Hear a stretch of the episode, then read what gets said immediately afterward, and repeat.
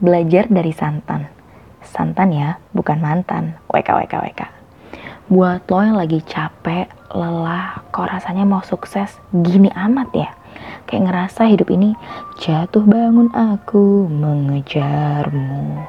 Mengejar sukses maksudnya. Nah, coba nih belajar dari santan, siapa tahu bisa menginspirasi lo. Pernah lihat gak sih proses terbentuknya santan?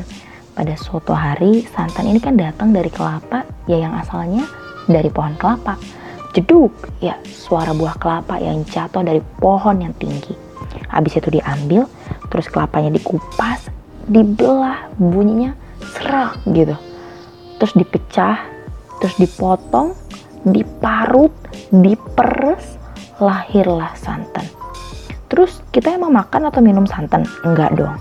Buat bikin enak masakan kudu dimasak pakai api yang panas.